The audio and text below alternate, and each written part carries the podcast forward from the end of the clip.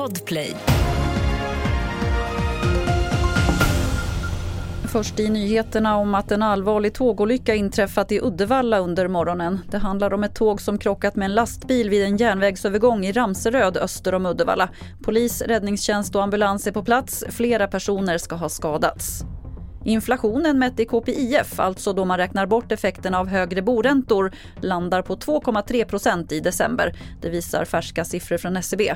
I november låg KPIF-inflationen på 3,6% Tjocka Årman är sparekonom på SPP. Min första reaktion är att vi är på rätt riktning. Däremot så kom ju siffrorna faktiskt eh, in lite högre än vad vi hade förväntat oss. Förväntat var närmare 2,1 procent, men vi är ju fortfarande i samma banor och rör oss. Så att det är ju fortfarande positivt att inflationen, att vi ser en trend där inflationen både i Sverige och utomlands faktiskt går neråt.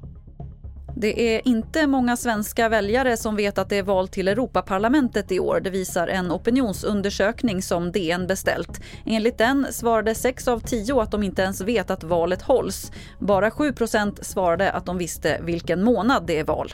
Fler nyheter finns på tv4.se. Jag heter Lotta Wall.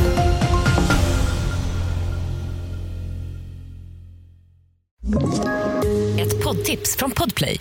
I podden Något Kaiko garanterar östgötarna Brutti och jag, Davva, dig en stor dos skratt. Där följer jag pladask för köttätandet igen. Man är lite som en jävla vampyr. Man har fått lite blodsmak och då måste man ha mer.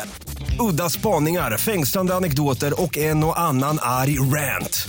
Jag måste ha mitt kaffe på morgonen för annars är jag ingen trevlig människa. Då är du ingen trevlig människa, punkt. Något Kaiko, hör du på Podplay. Därför är gardinerna.